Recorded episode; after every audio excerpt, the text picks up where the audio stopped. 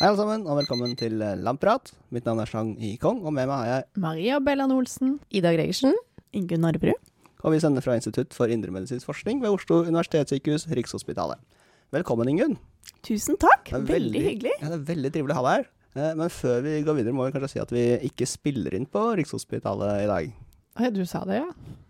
Nei, Ja. nei. nei, vi er på Blindern i dag. Ja, på realfagsbiblioteket. Yes, vi fant frem eh, Til slutt. Ja. Ja, for vi har eh, fått låne da et studio på biblioteket her. Så vi sitter i et sånn glassbur og kikker ut på studentene som eh, holder på. mm. Ja. Ja. Det var veldig fint her, da. Er veldig fint. Ja, jeg fikk veldig sånn uh, god følelse. Jeg var jo nede på toalettet i stad, det var jo der vi var på Det ga gode minner. Ja, ja, det ga gode minner, men det var jo bar der, vet du. Ja, ja, Kjelleren. stemmer det. Ja, ja, RØ-kjelleren. ja. Mm. Ja, ja. ja, det var veldig hyggelig å være på. Blindern igjen. Liksom. Ikke Mm. at jeg egentlig har studert så mye her, men det, var, eh, det, er, liksom, det er en sånn god følelse her. Men jeg, jeg husker også at jeg satt og sleit med noe matte og noen greier når jeg satt her, så Litt ambivalent. Ja, fra, fra Ja. selve biblioteket. Ja, men doen var, eh, det var, det var fristedet. Ja, men der var man jo på kveldstid nettopp. bar, det var jo noe annet. Nettopp. Nettopp. Det er veldig oppgradering, i hvert fall siden jeg har vært der, at de nå har kaffe og te som du bare kan forsyne deg med i biblioteket. Det syns jeg var, ja, luksus. var Luksus. Mm. Og så er det jo må si, det er litt mer nervøs enn vanlig, for uh, Abelstårn eh, bruker jo dette studioet til sine innspillinger. Oh, ja. Så vi låner jo uh, det samme studioet i dag. Så det er jo litt eh, trivelig, syns jeg, da. Ja. Men, det her, er sånn- men, men er ikke de, har ikke de alltid sånn publikum og sånn, da? Ja, Ønsker du deg det? Nei, nei men jeg skjønner, skjønner du hva jeg mener. Har de ikke egentlig publikum? Så jeg kan ikke skjønne at de kan sitte her da. Noen ganger har de publikum, i hvert fall. Å ja, OK. Ja, men Det står eh, sånn Abels tårnplakat nede ved toalettet der. så det. alt skjer på dass. Ja. Vi kan prøve å ta med utstyret vårt en gang og så rigge her nede. Skal vi sette plakaten over siden av Abels ja. Men uh, vi må kanskje introdusere gjesten vår. Og eh, vi pleier å be gjesten om å introdusere seg selv og hva, hva du jobber med. Ja, eh, jeg eh, jobber da som rådgiver på Nasjonal kompetansetjeneste for familiær hypokolesterolemi på Oslo universitetssykehus. Ja. Har du Mhm. vært der lenge? Jeg har vært der siden 2018. Så var jeg postdok der før, fra 2016. Så ja, litt ulike roller, men uh, nå er det rådgiver. Mm. Men du har forska på da familiær hyperkolesterolemi eh, fram til du gikk over til rådgiverstillingen Ja. din? ja, det begynte jeg med i 2007, faktisk, på masteren.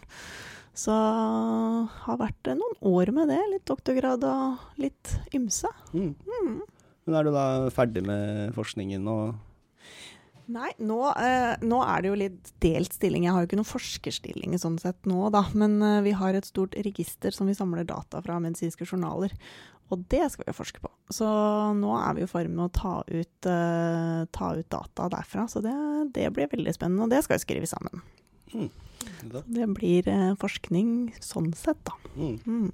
Men er eh, dere avhengig av eh, eksterne forskningsmidler, sånn som vi er? Vi har jo øremerka midler fra Helse- og omsorgsdepartementet. Uh, men i det så er det jo sant, Det skal jo drifte hele kompetansetjenesten med alt det andre vi gjør. Så den registerbiten er jo bare en liten del av det. Uh, så vi, uh, vi har jo også veldig tett samarbeid med universitetet og søker jo om forskningsmidler for å ha stipendiater og masterstudenter og ja, postdokstudenter. Mm. Mm. Og vi har jo eh, nettopp vært gjennom eh, en vår, eller en senvinter, med mye søknadsskriving, eh, Ida Mm. Maria. Ja, veldig mye. Jeg tror nesten rekordmye. Men ja, jeg tror nå at jeg faktisk er ferdig med jeg skal si vårens, da, men semesterets siste søknad. Ja, det- Du har jo nesten sittet siden jul, og nå er vi i mars. Ja, Ja. jeg tror det. Det er langt. Mm. Men uh, nå har jo du også sendt inn en søknad, Jean. Ja, det er uh, første gang jeg sender uh, på vegne av meg selv. Har fått Mm. veldig god hjelp fra, fra veldig mange på gruppa vår. Eh, så det blir spennende å se om jeg får tilslag på et prosjekt nå, da. Ja, hva er det du har søkt? Hvem har du søkt penger fra? Kan du si først, da? Det er Forskningsrådet. Ja. Eh, Forskningsrådet har jo lyst ut penger til unge forskertalenter, så det er godt å vite at jeg både anses som ung og et forskertalent. Eller det spørs da om jeg får penger eller ikke. Ja, du anser deg selv som et ungt uh, forskertalent. Eh, Ja, innafor den kategorien som kunne søke, i hvert fall. Ja. Så får vi se da om det blir eh, til prosjektet. Men det skal handle om uh, aterosklerose, som er det vi holder på med. Mm. Eh, og så skal jeg undersøke en, eh, en mekanisme innenfor den sykdommen som kanskje ikke har vært studert så nøye fram til nå. da. Spennende. Mm. Så hvis jeg får tilslaget, så skal jeg love å eh, fortelle mer om det på denne podkasten. Mm. Ja, jeg krysser fingrene for det. Men Ja. nå søk du òg, da. Ja, jeg har også søkt da på denne Unge talenter-utlysningen. Ja. Så får vi se. Det Mm. blir spennende. Ja. Men det har jo skjedd noe mer også uh, siden sist. Det, du har vært på TV i dag. Ja, så, så vidt, i hvert fall. I bakgrunnen der. Linselus? Ja, litt linselus på Dagsrevyen. Ja, nei, eh, ja, det var, eh, det var en spennende opplevelse, det. Det er første gang jeg har vært på TV, i hvert fall. Nei, vi, eh, vi, har, ja, vi har publisert en artikkel på covid, altså Mm. om covid-pasienter som vi har samlet inn prøver fra, som vi har snakket med ja, Tuva om i forrige episode, Mm. Um, og så, uh, siden dette var et sånn nytt og spennende funn, så kontakta vi da kommunikasjonsrådgiverne på universitetet, og så kom de da i kontakt med NRK, som da ja, vi fikk vel vite det kvelden før, gjerne ville lage en sak på Dagsrevyen, da. Så da var det jo å hive seg rundt og finne noen som ville stille, og ja, for det er jo viktig å si ja til sånne henvendelser. Så nå var det ikke jeg som sto, sto for pratinga, jeg var ikke sånn sentral forfatter på den artikkelen, men um, Tuva, som var her i forrige episode, hun eh, stilte opp, uh, veldig sporty, og jeg syns hun var kjempeflink. Mm. Så vi ble da, eller hun ble da intervjua på, på laben, og så sto jeg da i bakgrunnen og lata som jeg jobba. Det og da er spørsmålet For det, det synes jeg alltid når man viser sånn nyhetsinnslag fra Ja. laben, så ser du jo at de sitter der og pipetterer vann. Ja, ja, ja. Nei, jeg lata som jeg tente celler, da. Ja, Ja. Ja. Men var det bare vann i røret, eller? Nei, det var bare den der fargen, ikke noe Mm. celler, liksom. Ah, ja, Bare ok. inn og ut og inn og ut. Og da så holdt de på på en måte så lenge. Så Tuva og jeg var sånn OK, men hva skal vi gjøre nå, liksom? Ja. Og så det eneste de tok med som var Og de hadde til og med på lyden, var sånn jeg spør Tuva Ja, hva trenger du? Bare, Ja, 50 milliliters rør. Litt sånn der Og vi hadde jo ikke tenkt at de skulle bruke den lyden. Ja, men det er sikkert ingen som la merke til Ja, det. for jeg fra for oss, plutselig men- hadde hun en sprøyte inni den der eh, ja, for da isolerte hun beinmark fra musebein. For det var noen som holdt på med, så hoppa inn der. Så de filma jo altså de rareste metoder. Ingenting som egentlig hadde med den artikkelen å gjøre, da. Flow-apparatet gikk og kjørte, så da var de med dit en tur. Og, ikke sant? Det var litt sånn De ville bare ha noe sånn lab, lab life. Ja, Ja. for dere hoppa liksom fra, fra ene klippet til det andre, så hadde dere bytta laffbenk. Altså dere Ja, satt i ja, én ja. sterilbenk og jobba i det ene øyeblikket, og så snudde du deg for å hente et rør, og så da, da var dere et annet sted Ja. plutselig. Ja, så det var litt sånn uh, Ja. Det var litt gøy, fordi det er liksom ja, en del av på en måte, det å være med på noe sånt. For vi ante jo ikke hva vi gikk til, ikke sant. Så vi, vi visste liksom ikke Kommer de til å stille oss spørsmål at det skal filmes, eller kommer det bare til å være en voiceover og noen bilder i bakgrunnen? Så alt var jo litt sånn Ja. Så de filma ganske lenge på laben, sikkert tre kvarter. Mm. Så det var det de valgte, da. Ja. Um, og så lo vi litt av at de ville gjerne at Tuva skulle sitte uh, ved, ved vasken. Så hun ble jo intervjua ved vasken, liksom, med hånda sånn, og, og alt det rotet. For da ville de gjerne kunne se liksom, gjennom inn i laben, da. Liksom, hele ja. lab. Ja, så vi bare ja, ja, OK. Så, så når hun blir intervjua, så sitter jo hun, de, hun og journalisten ved vasken der, da. Og da kan Men, du eh, plutselig løpe det inn til meg og bare 'Maria, nå står du midt i sona. Midt i skuddlinja står Maria drar opp buksa. Ja. jobber med å få buksa godt opp i livet, ikke sant? Jeg var ikke klar over dette. Jeg tror kanskje ikke de fikk med seg akkurat det. Men... Nei, det var ikke med. Nei da, men det var eh, en viktig og eh, morsom opplevelse. Og Jeg lo litt når jeg liksom hadde håret ned, noe man liksom aldri har på labben. I hvert fall ikke jeg, da. Håret ute, liksom. Ikke strikk. Og bare Nei, det var, eh, det var litt Men eh, ja. Ja. Nei, det var artig. Mm. Søndagsrevyen 12. mars. Der er får man et lite glimt av Ida og Tuva, i hvert fall. Mm. Ja, Few seconds of fame der. ja. Saken ble god, da, syns jeg. Ja, den Det er veldig fint. Men dere har jo gjort andre ting òg. Det er jo kommet med en, en populærvitenskapelig artikkel i forskning.no. Eh, Du, Ida, og Maria, og også to andre tidligere kolleger av oss, Mm. skrev en sak som ble publisert der. Yes, det var om eh, kvinnehelse, eller Nei, egentlig så handler vel den saken om For man snakker jo så mye om at eh, kvinner er understudert. Og så eh, var det bare et litt sånn spark til forskerne, da, fordi eh, man glemmer ofte at eh, også hundemusene er understudert. Så eh, det handler egentlig den artikkelen om. Mm. For det, er et stort problem da er jo selvfølgelig hvis du bare driver og forsker på hundmus, nei, hannmus, og så skal du teste ut legemiddelet. Um, du gjør det da på bare hanndyr.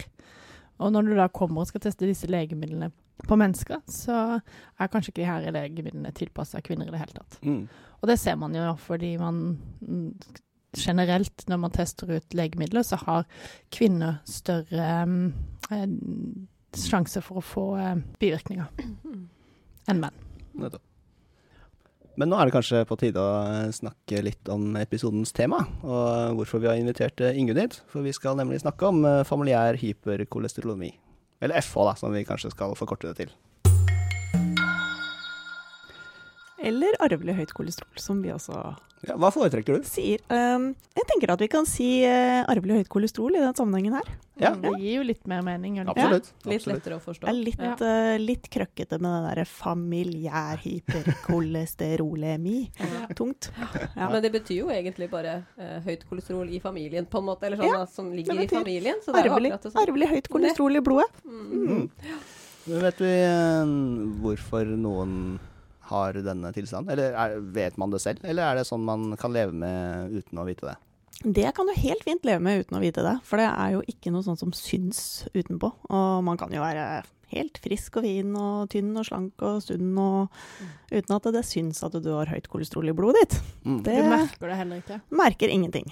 Uh, før det da eventuelt slår ut som en hjertesykdom. Ja. Og det er jo oftest i litt uh, oppi åra, da. Sånn. Mm. Så det er på Fra en 30-åra, kanskje, kan vi kalle det. da. Okay, så 30 litt opp i åra nå. ja, men det er, det er jo litt ulike Det er jo litt ulikt for de ulike diagnosene. For vi har jo en heterosykotform, som betyr at du har arva et gen fra den ene forelderen din. Uh, men så kan du ha en homosykotform, som betyr at du har arva genfeil fra begge foreldrene dine. Og da har du straks mye mer alvorlig sykdomsbilde, hvis du har arvet fra begge foreldrene. Og da kan du få hjertesykdom i tenåra, faktisk. Oi. Ja. Mm. ut at jeg hørte ned i sånn fem år, ja. Er det mulig? Eh, ja, du får i hvert fall kan få ganske tegn på eh, vi har, Det er ikke mange homozygote pasienter vi har i Norge, da. Jeg tror vi har 14 nå. Er det Ok. rundt der? Rundt det tallet. Mm. Uh, og da er det vel eh, noen av de som, selv om de har vært fulgt opp veldig grundig, så hadde de tegn på sykdom rundt jeg vet ikke om det var sånn 10-12 års alder allerede, da. Det, men ikke, ikke helt, hva skal jeg si, endesykdom, men, eh, men uh, at det er ganske tette årer, da. Mm. Ja. Så arvelig høyt kolesterol, det synes på en måte ikke med mindre man får en sekundær sykdom, da, som f.eks. hjertesykdom eller eh, blodpropp eller sånne ting. Hjerteinfarkt Mm. eller eh, eh, ja, eller hjerte, annen type hjertesykdom, da. Mm. Mm. Og den eneste måten man kan Angina. verifisere at man eh, har den sykdommen, er ved en gentest. Ja, så det vi Vi har jo lagd en sånn huskeregel da, som vi har sendt ut til veldig mye helsepersonell, fastleger bl.a., som er sånn at man bør vurdere å ta en gentest hvis totalkolesterolet er over 6 millimol per liter, og de pasientene er under 20 år. Hvis det er over 7 millimol per liter og pasientene er mellom 20 og 40 år, og hvis eh, det er over 8 og pasientene er over 40 år. Hva er vanlig normalt nivå? Vi sier jo at uh, man bør ha rundt fem. Mm. Og hos de pasientene med arvelig høyt kolesterol, så ser vi to til tre ganger høyere totalkolesterol eller LDL-kolesterol også, da, enn mm. uh, en normalbefolkningen. Mm. Mm. Ja. Men jeg tenker liksom En ting er jo da hvis du har målt kolesterolet ditt når du er 20 år hos legen, men det er jo kanskje de færreste som har gjort, eller? Ja, det er jo det er nok litt uh, blanda hvor, eh, hvor ofte det gjøres, da. Uh, hører jo Altså, det her er bare sånn som subjektiv oppfatning, men eh, at det er jo mange fastleger som ikke forstår hvorfor man skal måle kolesterolet når man er tynn og slank. Eh, men men eh, vi sier jo at det, det kan jo være lurt å ha målt kolesterolet en gang i løpet av ja, Mm. egentlig tidlig alder, da. Vi vil jo gjerne at man skal ha målt det uh, i barneåra. For å bare være, sikker, være på den sikre sida. Det er jo en eh, risikofaktor for hjertesykdom uansett om du har arvelig form eller ikke, så du kan jo gjøre noe med det uansett. Mm. Mm. Mm. Og det er ikke noe vanskelig å måle kolesterolet. Kolesterolet Egentlig. tar du i en blodprøve. Ja. Og hvis det skulle være sånn at kolesterolet er over de grensene som jeg sa i stad, så tar man jo bare en ny blodprøve og måler gentest i den. Mm. Tester om det er uh, en av de genfeilene. Ja. Ja. Og er det dyre prøver? Mm, godt spørsmål. Ja. Jeg tenkte hvis man var sånn at man ikke ville teste kolesterol. Kolesterol Jeg er tror ikke kolesterol er dyrt. Nei, vanlig eh, kolesterol er jo Altså totalkolesterol er jo ikke dyrt. Men Nei. den gentesten koster nok litt mer. Ja. Men, eh, så den skal man derfor ha den indikasjonen på, da. Men jeg tør ikke å si helt prisen, jeg, altså, på det. Nei. Nei. Men hvor mange genetiske varianter er det som eh, gir opphav til høyt kolesterol? Eh, Som er kjent, da. Jeg I antar det er Norge mange. så er det over 200. Ja, det såpass, ja? Ja. Så Mm. det er er, Det er mange potensielle Mm. ja. genvarianter. Det er jo stort sett i eh, Fordi de har jo en genfeil for det som man kaller for LDL-reseptoren, som er en fangarm som sitter på leveren. Og den fanger jo LDL-kolesterolet som vi har i blodet vårt, og renser blodet for LDL-kolesterol. Eh, og når de har denne genfeilen, så vil den være dysfunksjonell. Den virker ikke sånn som den skal. Mm. Eller det kan rett og slett være at den ikke virker i det hele tatt. Så det er sånn helt null effekt, da. Mm. Eh, og da eh, vil jo de få høyt kolesterol. Og høyt LDL-kolesterol over tid det vil kunne gå inn i blodårene og tette og gi avleiringer, og på sikt gi hjerte- og karsykdom. Mm. Så eh, de genene som det oftest er, eh, er feil i, det er LDL-reseptoren. Eller så er det to andre gener også, eller tre andre gener også, men de er det færre tilfeller av. Så i Norge så er det aller mest i LDL-reseptoren. Ja. Mm. Så det finnes eh, ulike mm, typer genfeil i genet som kode for LDL-reseptoren. Ja. Og så påvirker de eh, funksjonaliteten til LDL-reseptoren i ulik grad. Da. Ja. Sånn at, eh, Hvor god den er til å Ja. fange inn Ja. LDL. mm. ja. Men eh, eh, kan- kan, ikke en av dere da bare repetere hva LDL er og gjør, da? LDL er jo et fettstoff som vi har i blodet vårt. Uh, og det er det rett og slett uh, frakter jo eh, lipider og fett til, eh, til perifere vev, altså alt mulig ute i kroppen. Eh, og helst vil vi jo ha så lavt LDL-kolesterol som mulig. Det er ikke noe vi trenger mye av. Uh, Trenger litt også, men ikke overflod. Uh, kroppen lager sjøl kolesterolet som vi trenger, så vi trenger liksom ikke å ha noe høyt LDL-kolesterol. Det, det har man vist i disse nye studiene med de nye medikamentene, at jo lavere, jo bedre. Så, men du får det jo ikke helt i null, ikke sant? Det gjør du ikke. Men um, så, så hos de pasientene her så er det jo da høye nivåer, og da er jo behandlingen går jo på å senke uh, LDL-kolesterolet, da. Vet du sånn cirka hvor mange i Norge som uh, har den tilstanden, eller som er kjent? Ja, Det veit jeg, fordi eh, ja, akkurat nå så har den kanskje gått opp lite grann, men 28. februar så passerte vi 10 000 diagnostiserte pasienter med FH, Mm. eller arvelig høyt kolesterol. Og da, eh, da er det de som har fått en positiv gentest, som vi kaller det, da. At de, det viser seg at de har en genfeil. Mm. Og så, så, men så tror vi jo at eh, i Norge så har vi inntil 25 000 som har denne genfeilen. Så det er ganske store mørketall. Eh, og det er jo Ikke sant. Det, det er uh, hvem som helst som kan ha det her. Og man veit jo at hvis uh, det er en pasient som er diagnostisert, så er det jo flere i familien som har det. Mm. Mm. Fordi eh, hvis foreldre har det, så er det 50% sannsynlighet for at barna får det. Ikke sant? Mm, mm. Mm. Så da følger dere opp hele familier ofte, da? Eller? Ja, altså på de eh, lipidklinikkene som er sånn spesialiserte klinikker på sykehusene, så, så følger vi jo familier. Så er det ofte familiekonsultasjoner, faktisk. Ehm, og det er til langt oppi Altså til barna er ganske gamle. Mm. Eh, fordi det er praktisk, sånn med tanke på Det er jo mye behandling med kosthold og livsstil, og det er jo ofte noe som man har eh, likt av i hele familien. Ja, fordi eh, når jeg har snakka med noen venner f.eks. om Eller kommet inn på FH av en eller annen grunn, da, så, så har jeg liksom prøvd å forklare det som du sa i starten, da, at det er arvelig høyt kolesterol. Uh, og da er det flere som har sagt sånn Ja, ja, vi har litt høyt kolesterol i, i vår familie. Og så har jeg liksom tenkt sånn Ja, men er det Det blir vel ikke helt det samme? Eller hva, hva, tenker du om det? Ja, jeg får også veldig ofte det spørsmålet. Eh, og da tenker jo jeg at det, det kan være flere ting. Uh, Ja. Men jeg tenker nok at ofte så kan det være FH, fordi det er en såpass vanlig tilstand. Det er en Mm. av de vanligste genetiske tilstandene vi har. Mm. Det er eh, nesten like vanlig som diabetes type 1. Mm. Eh, og, så jeg tenker at når du hører det, så, så er det veldig stor sannsynlighet for at det er FH. Mm. Men det kan jo også være det som vi kaller for polygen hypokolesterolemi, som skyldes at det er flere gener som spiller sammen og, og gir eh, høyere kolesterol enn du burde ha. Da.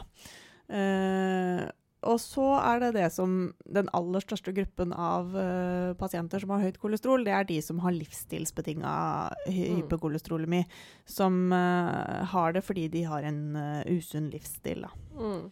Ja, og det er jo for så vidt også et litt interessant poeng, fordi i familier så har man jo veldig ofte lik livsstil, Ja. eller hva skal jeg si, Mm. og det går jo ofte litt sånn, skal jeg si, generasjoner, ikke sånn. Ja, Men så det Ja. kan jo faktisk også være, være et poeng, da. Men jeg tenker jo at sånn som du har forklart nå, så vil det jo være verdt å ta en test, kanskje da. Ja, i hvert fall hvis de, eh, verdiene er over de grensene som jeg snakka litt om i stad. da. Mm.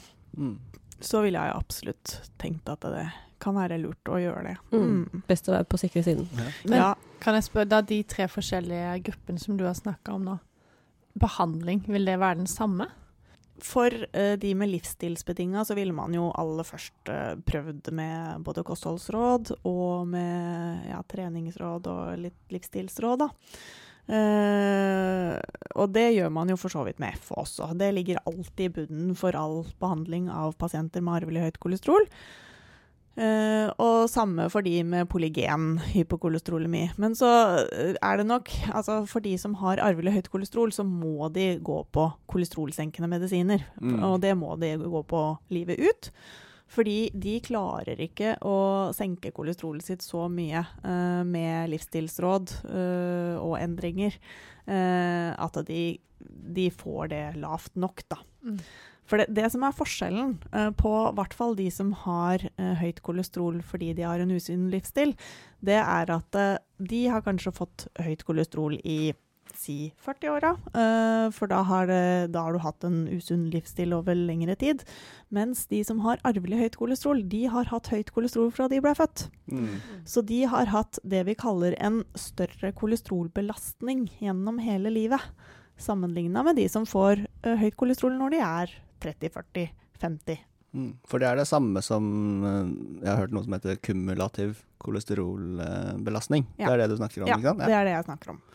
Så da, da ser man jo at eh, man veit ikke helt akkurat når den eh, genfeilen slår inn og gir høyt kolesterol, men uh, man, i hvert fall fra toårsalder ser man altså Kanskje fra du begynner å spise, kan man tenke seg da, Mm. at uh, kolesterolet begynner å øke. Mm. Og da, det vil du jo ikke ha hvis du har livsstilsbetinget hypokolesterolemi. Da har du høyt kolesterol fra kanskje 30-40-årsalder eller okay. ja. Mm. Så i familier hvor du oppdager det her, så setter man også barn på kolesteroldempende? Absolutt. Så nå eh, er anbefalingen at man skal starte kolesterolsenkende medisiner fra 8 til 10 års alder Mm. allerede. Mm. Og da snakker vi om statiner? Ja, Da snakker vi om statiner. Mm. Og de er ganske De er godt forska på og trygge, ikke sant? De er veldig trygge og godt dokumenterte og effektive. Og så har vi også fått uh, andre typer uh, kolesterolsenkende medisiner, noe som heter Esetimib, som virker i tarmen. Uh, og så har vi disse PCSK9-hemmerne, som er i sånn sprøyteform. Uh, og de senker jo kolesterolet enda, enda lavere. Men de er det veldig strenge regler på hvem som kan få. Mm. Men kanskje fortelle litt om hva PCSK9 gjør, for det er litt sånn morsom eh, rute for å senke kolesterolet. Ja, den binder seg til, eh, til LDL-reseptoren.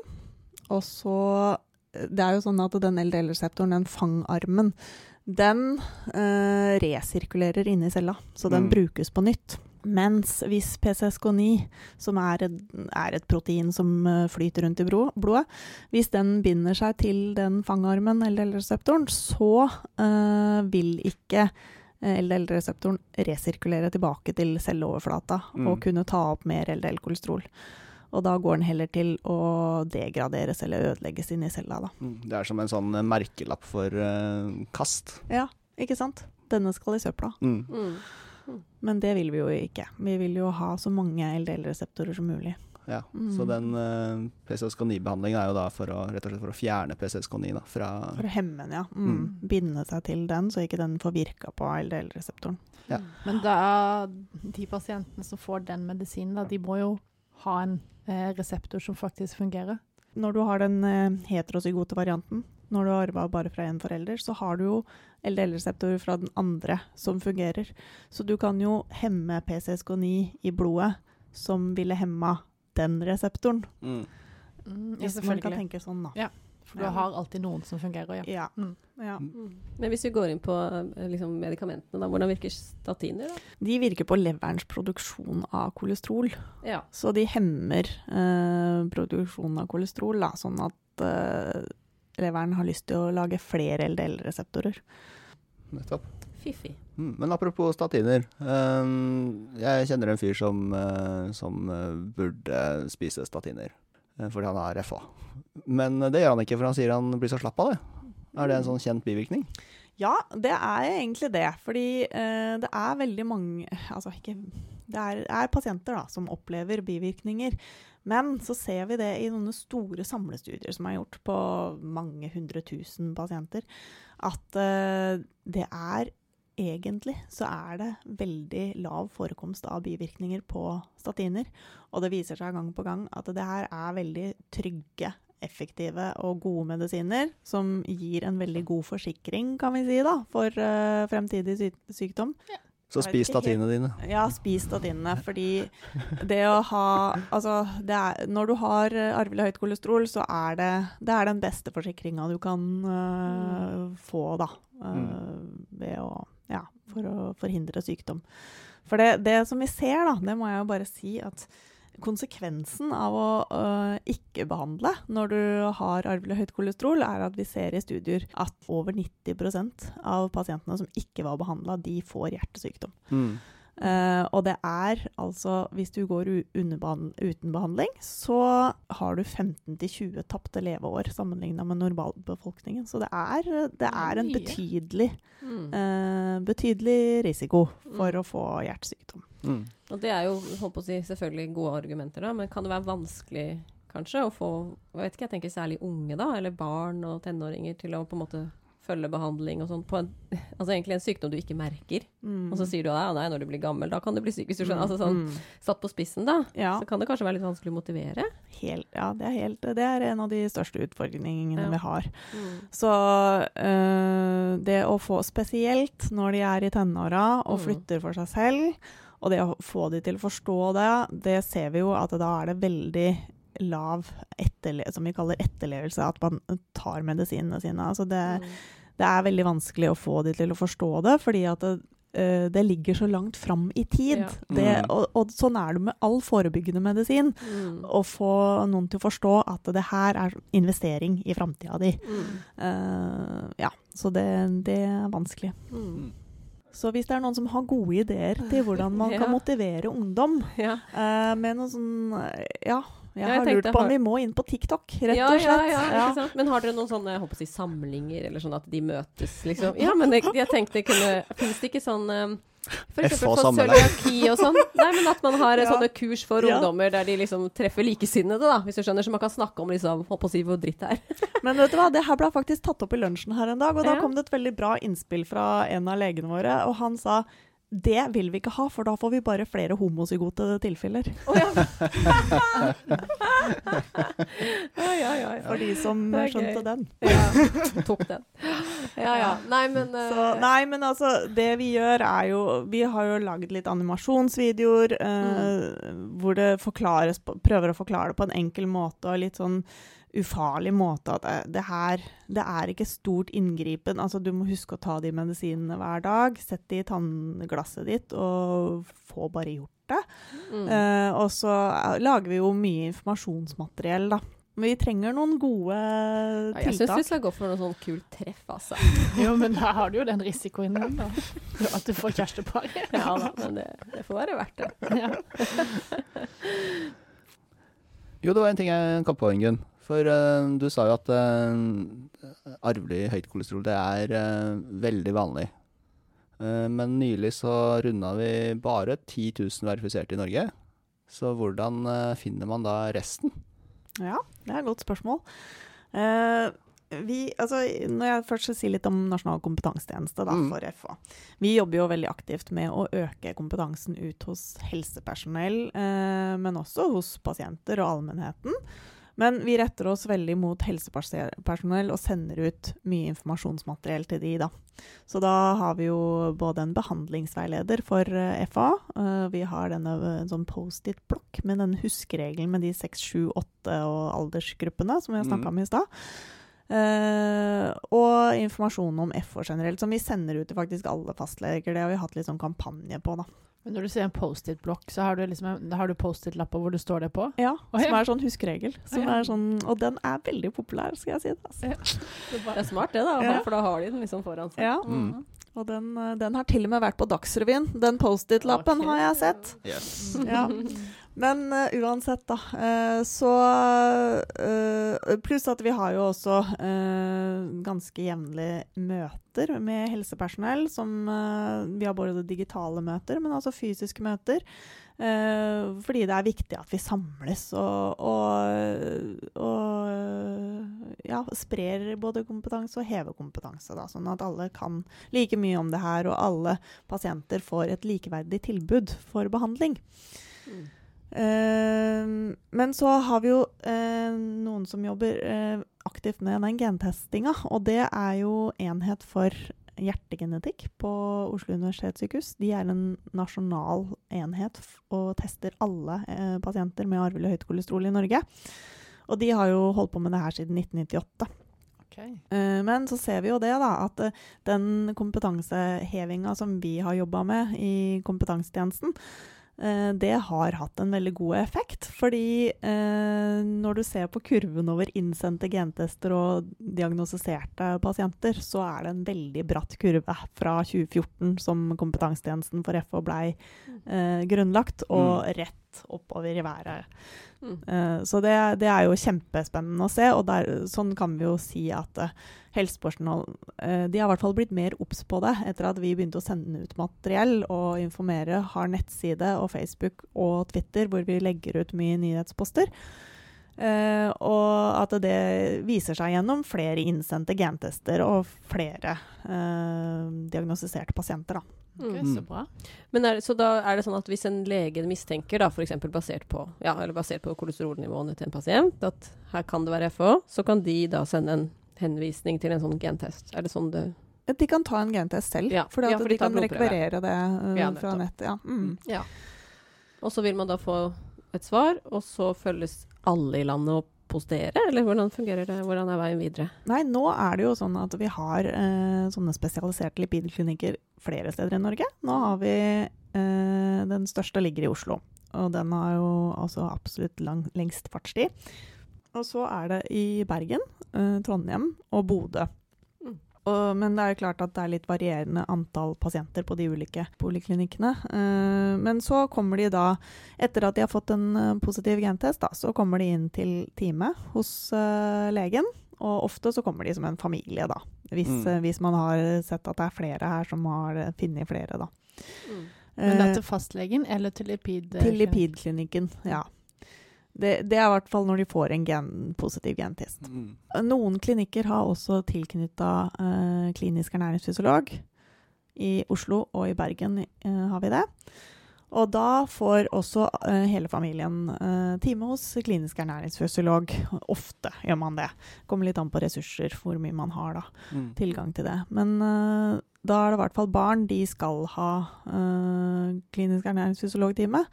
Fordi man kan jo tenke seg at det som ligger i bunnen for behandling av de pasientene her, det er eh, livsstilsbehandling. Altså at du spiser sunt, at du eh, trener og ikke røyker osv. Uh, og så begynner man med kolesterolsenkende medisiner etter hvert, fra 8 til 10 års alder.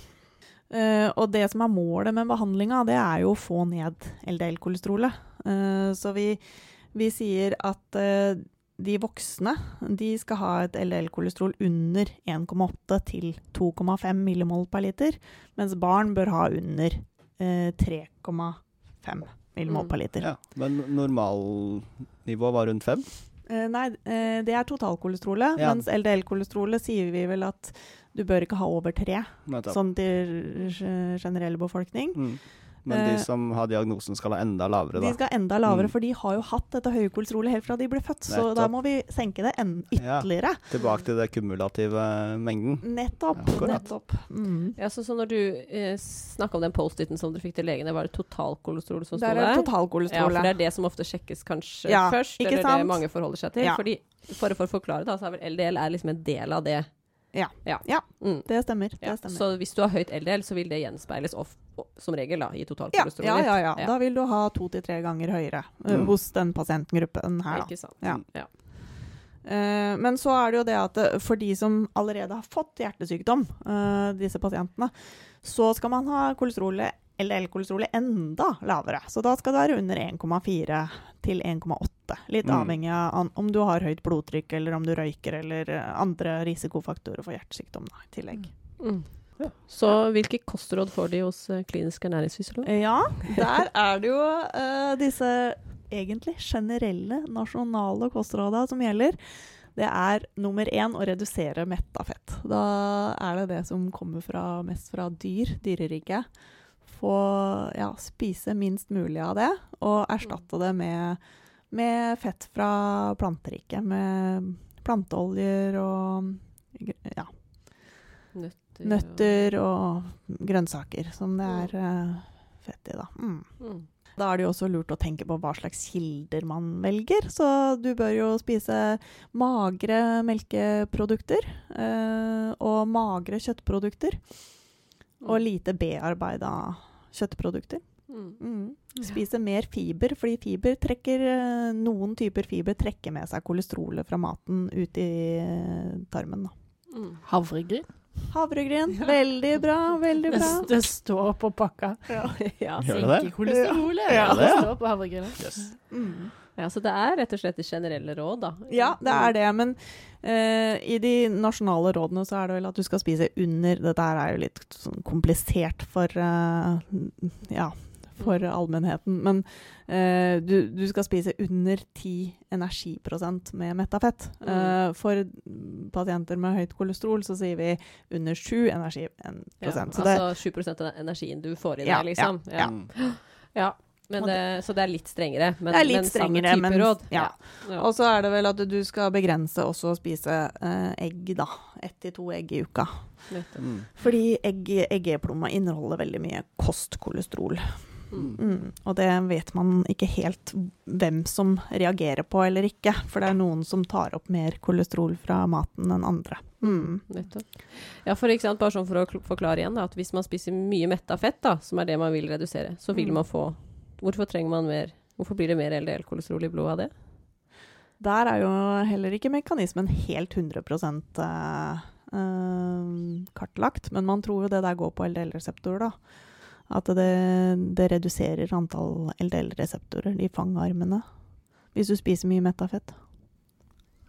Men man vet ikke helt sikkert. Nei, jeg veit ikke helt sikkert. Det er ikke, så, det er ikke så mange studier som har sett på det, faktisk. Dette var en fin eh, overgang til forskning på FH. Um, hva slags forskning er det dere har holdt på med? Ja. Eh, Det er jo en del forskning på universitetet i gruppa til professor Kirsten Holven. Hun har jo forska på det her i ja, nesten 30 år, tror jeg.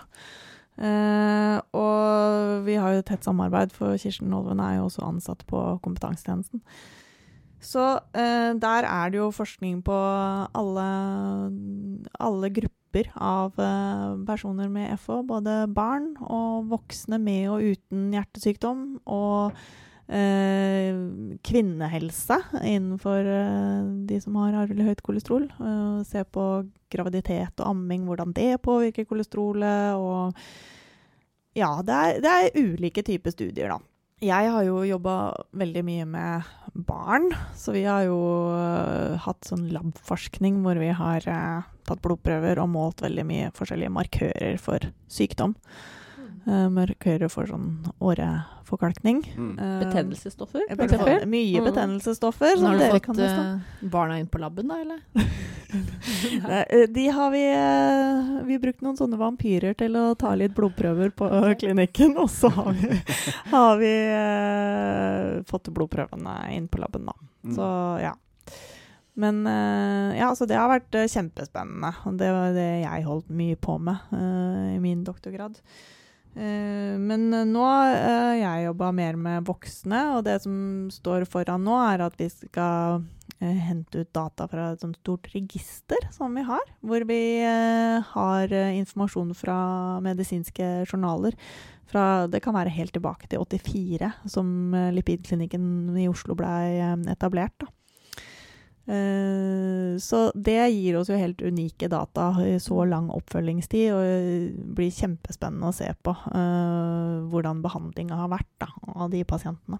Hvor mange pasienter har dere i registeret? I registeret så har vi eh, Der har vi jo alle typer sånne arvelige dyslipidemier, da, som det heter. Altså forstyrrelser i lipidstoffskiftet. Så da har vi 4500 pasienter, mens vi har eh, ja, nesten, nesten 2900 pasienter med arvelig dyslipidemi Nei, arvelig høyt kolesterol. Mm. Er det noe eh, samarbeid med andre land? Eller, jeg har, er det, det er i hvert fall noe jeg har inntrykk av. Er det mye eh, mer FH i Norge enn i andre land? Norge er nok litt Vi ligger litt frampå. Uh, vi hadde jo uh, gründeren av lipidklinikken i- på OS. Det er jo Leiv Ose, som grunnla lipidklinikken i 84. Eh, så han er jo klart et stort navn ute, og det, jeg har jo hørt uh, ute at det er sånn look to Norway uh, med Mm. tanke på arvelig høyt kolesterol. da.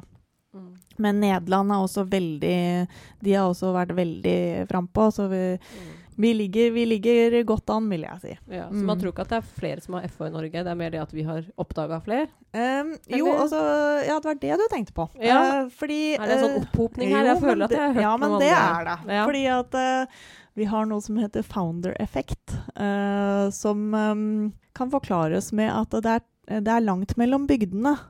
Så det vil si at det er litt opphopning av genfeil da, litt rundt omkring. Så vi har jo tre varianter av den genfeilen som jeg snakka om i stad, som uh, i hvert fall tidligere har stått for 40% av alle tilfellene.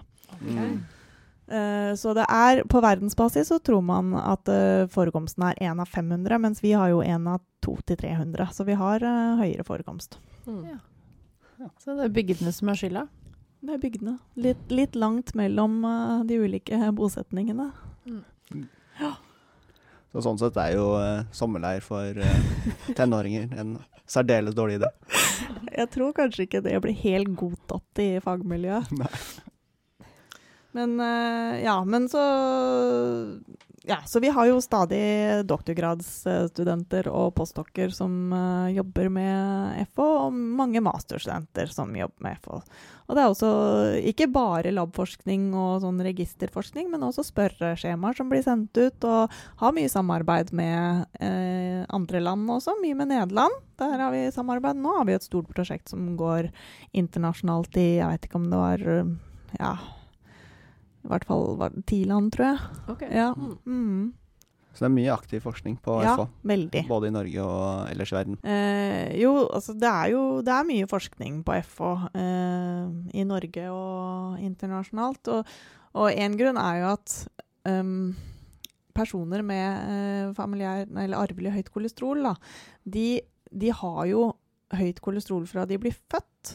Eh, og spesielt barn de har jo ikke hatt så stor påvirkning av livsstil ennå. Så de, de gir jo en unik mulighet til å se på uh, kolesterolets betydning, kun kolesterolets betydning, uh, i forbindelse med hjertesykdom. Og Mm. litt underliggende mekanismer for hvordan hjertesykdom oppstår. Eh, I tillegg til at vi, vi får jo veldig gode data på både altså, hvordan, skal disse, hvordan skal vi følge de opp, hvordan skal vi behandle de, eh, hva er det vi må være ekstra obs på i behandlingen eh, og ta hensyn til. Så ja, For eksempel så ser vi jo at, eh, som vi snakka litt om i stad, at kvinner eh, og jenter de har litt høyere kolesterol, også eh, hos de med arvelig høyt kolesterol. eh, helt fra de er små.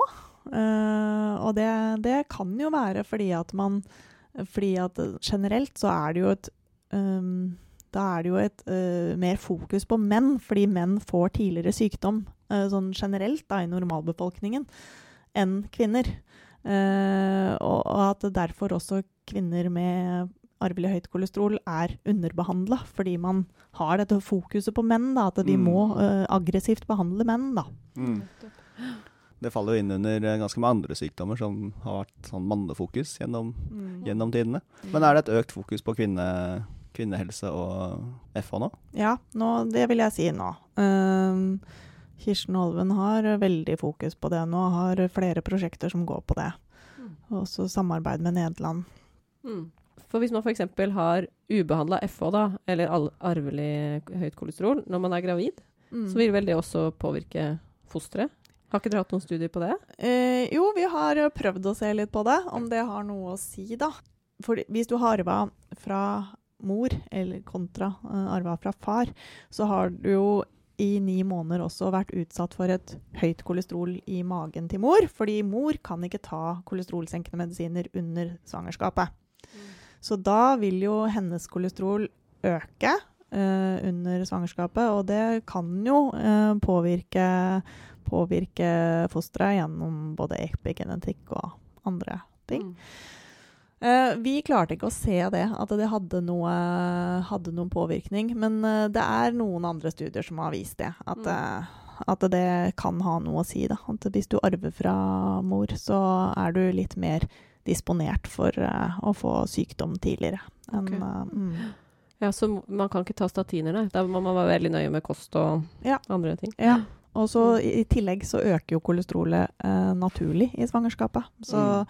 man kan tenke seg at eh, hos eh, kvinner med arvelig høyt kolesterol, da, så får man liksom et enda høyere terskel for eh, kolesterol. Mm. Men nå har vi jo snakka veldig mye om mennesker, og det er jo gøy. Men, uh, men Chang, Mm. det er jo en del dyremodeller på det her òg, eller? Ja da, det er det absolutt. Eh, vi bruker jo en eh, veldig aktivt på vår lab. Eh, vi bruker det jo til å studere atroskelerose, altså åreforkalkning. Fordi mus, eh, vanlige mus får jo ikke så høyt kolesterol, eller så høyt LDL-kolesterol, til at de eh, utvikler aterosklerose av seg selv. Så en modell vi bruker er en LDLR-knockout-mus, som det heter. En mus som da ikke har en fungerende LLR-protein. Ja, det blir jo litt likt FH, da. Litt, Mm. Ja. litt DFA. Ja, for den har ikke denne reseptoren. Helt Den riktig. Ikke denne fanger, ja. Mm. LLR er eh, reseptor. Ja. Mm. Yes. Yes. Så den uh, musmodellen bruker jo veldig mye. Ja. Eh, også um, i litt nyere tid så har vi fått en annen uh, modell også. Um, vi snakket jo litt om uh, PCSK9-behandling. At uh, i uh, FA så behandles pasientene med noe som hemmer PCSK9. Fordi det, um, det er en sånn merkelapp for at LDLR skal i søpla. Fangarmen. skal Fangarmen skal i søpla. Det er eh, funksjonen til PCSK9. Eh, så i denne dyremodellen så kan man da tilføre dyret et gen som koder for en hyperaktiv PCSK9. Så den går rundt og tagger da alle LLL, Alle reseptorene. alle reseptorene på leveren, Ja. sånn at eh, man får en modell som ikke uttrykker proteinet LDLR, da, fordi det er så mye PCSK9 som har merka Mm. dem for uh, søpla.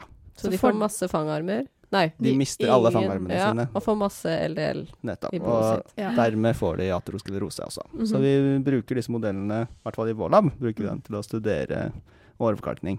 Så forskjellen på disse to, da, den LDL Når du har knocka ut genet, så Mm. blir det litt som en eh, familiær eh, hypokolesteroli. Ja, Mens den andre modellen, da kan du jo velge Eller da kan du jo sette det i gang. Du Mm. kan jo gi dette genet eh, litt ut i livsløpet. nettopp. Så vi kan jo studere da forskjellen på, mellom hvordan det er å være født med en arvelig høyt kolesterolnivå i kroppen, eh, kontra da eh, hvordan eh, vil det utvikle sykdommen hvis man får høyt kolesterol litt senere i livet. Mm. Jeg kan bare melde om at det tok meg kanskje et halvt år å lære å si PSS-koni. Ja, som dere hører, så har jeg ennå ikke lært meg hvordan man sier LDL, LDLR. Nei. Før vi avslutter eh, og slipper til Eureka og sånn, Maria, må vi kanskje be om en liten oppsummering av det vi har snakket om i dag, Ingunn? Ja. ja, da kan vi si at eh, arvelig høyt eh, kolesterol er jo en av de vanligste um, genetiske tilstandene vi har. Uh, og er det noen i familien som har det, så er det også stor sannsynlighet for at du kan ha det. Uh, og da vil jeg bare si, gjerne si en ting om akkurat det der med slektninger. Fordi eh, hvis eh, du har fått diagnosen med arvelig høyt kolesterol, så er det veldig viktig at du snakker med familien din om det. Eh, fordi helsepersonell har ikke lov til å oppsøke dine familiemedlemmer. Så de, du har egentlig Det er egentlig en viktig oppgave for deg. Da. At du snakker med familien din, sånn at de kan ta kontakt med Enhet for hjertegenetikk og få mer informasjon om, om hvordan de skal gjøre dette med gentesting. Spørsmål, De skal kanskje ta kontakt med fastlegen sin, eller tar de direkte kontakt? De kan ta direkte kontakt med Enhet for hjertegenetikk. Mm, fordi ok. at eh, da, hvis det er funnet en person i familien med en positiv gentest, så er den allerede i systemet. og da det er det vi kaller kaskadescreening. At vi eh, ser på familiemedlemmer til eh, en pe person da, som har fått positiv gentest. Mm. Jo, det var det vi var inne på i stad. At eh, eh, det syns jo ikke på personer med arvelig høyt kolesterol, for du kan være sunn og frisk og rask og eh, leve helt eh, sunt. Men hos noen, eh, noen personer så kan allikevel kolesterolet det kan avleire seg andre steder enn i blodårene, nemlig i huden, som sånne fettposer, eller på sener, eh, sånn som på hender og hælsener, eller knær. Det er ikke så mange pasienter som har det lenger. Men det som er litt sånn fun fact i det her, er jo det at man tror kanskje at eh, Mona Lisa-maleriet av Leonardo da Vinci er eh, historiens første tilfelle av nettopp arvelig høyt kolesterol. Fordi man kan se at det, det er malt sånne fettposer eh, ved øynene hennes, og at hun har sånne avleiringer på hendene. Så det er litt, litt sånn historisk fun fact om eh, arvelig høyt kolesterol. Så Mona Lisa hadde trolig Man, t- man tror kanskje det. Mm. Må jeg må studere det maleriet litt. Ja, du har det på veggen? Ja, jeg har, en- har en liten kopi på veggen hjemme. Eller så vil jeg bare si sånn avslutningsvis fra, fra min side da, at um, vi lager jo veldig mye informasjonsmateriell. Vi legger ut masse nyhetssaker og er aktive på Facebook og Twitter. Så følg gjerne Nasjonal kompetansetjeneste for familiær hyperkolesterolemi.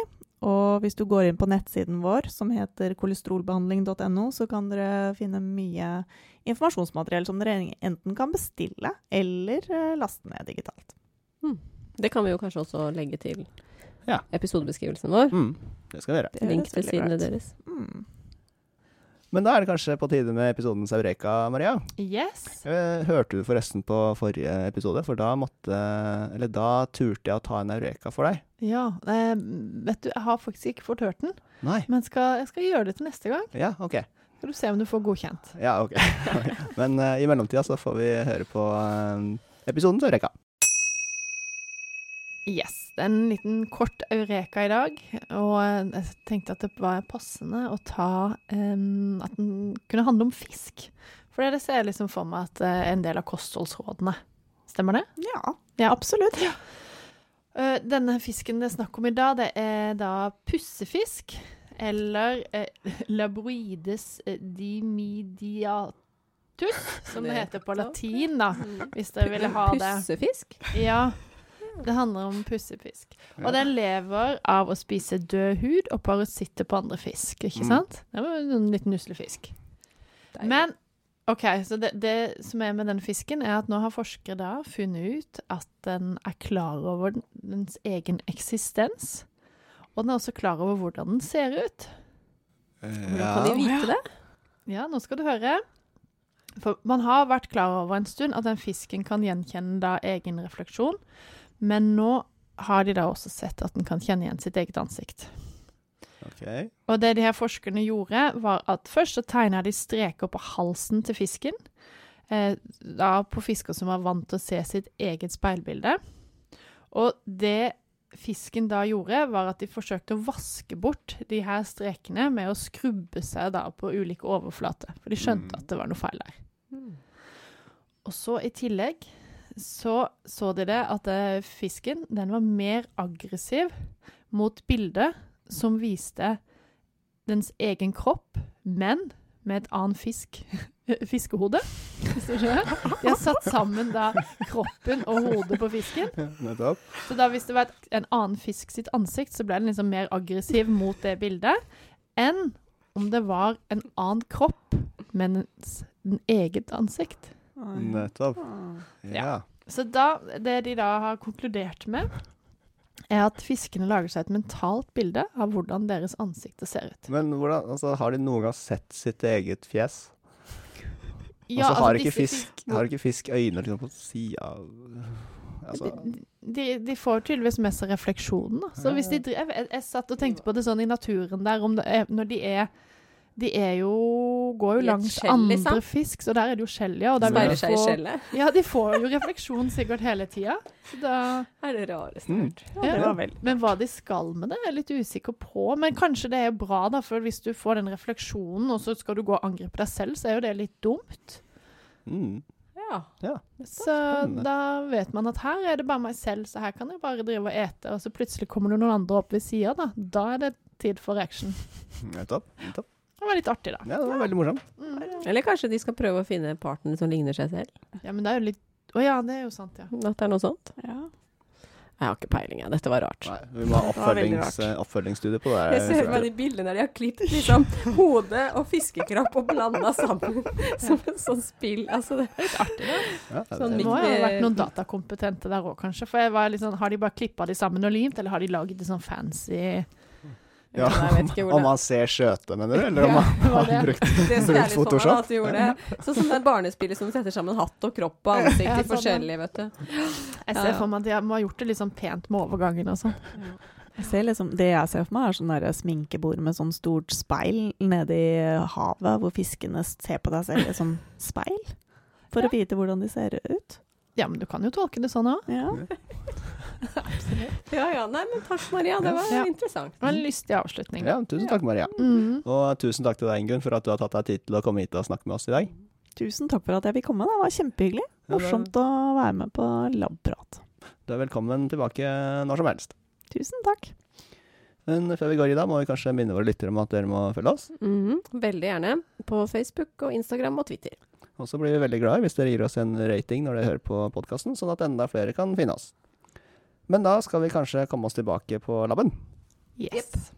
Så Ha det godt. vi. Ha det. Ha det.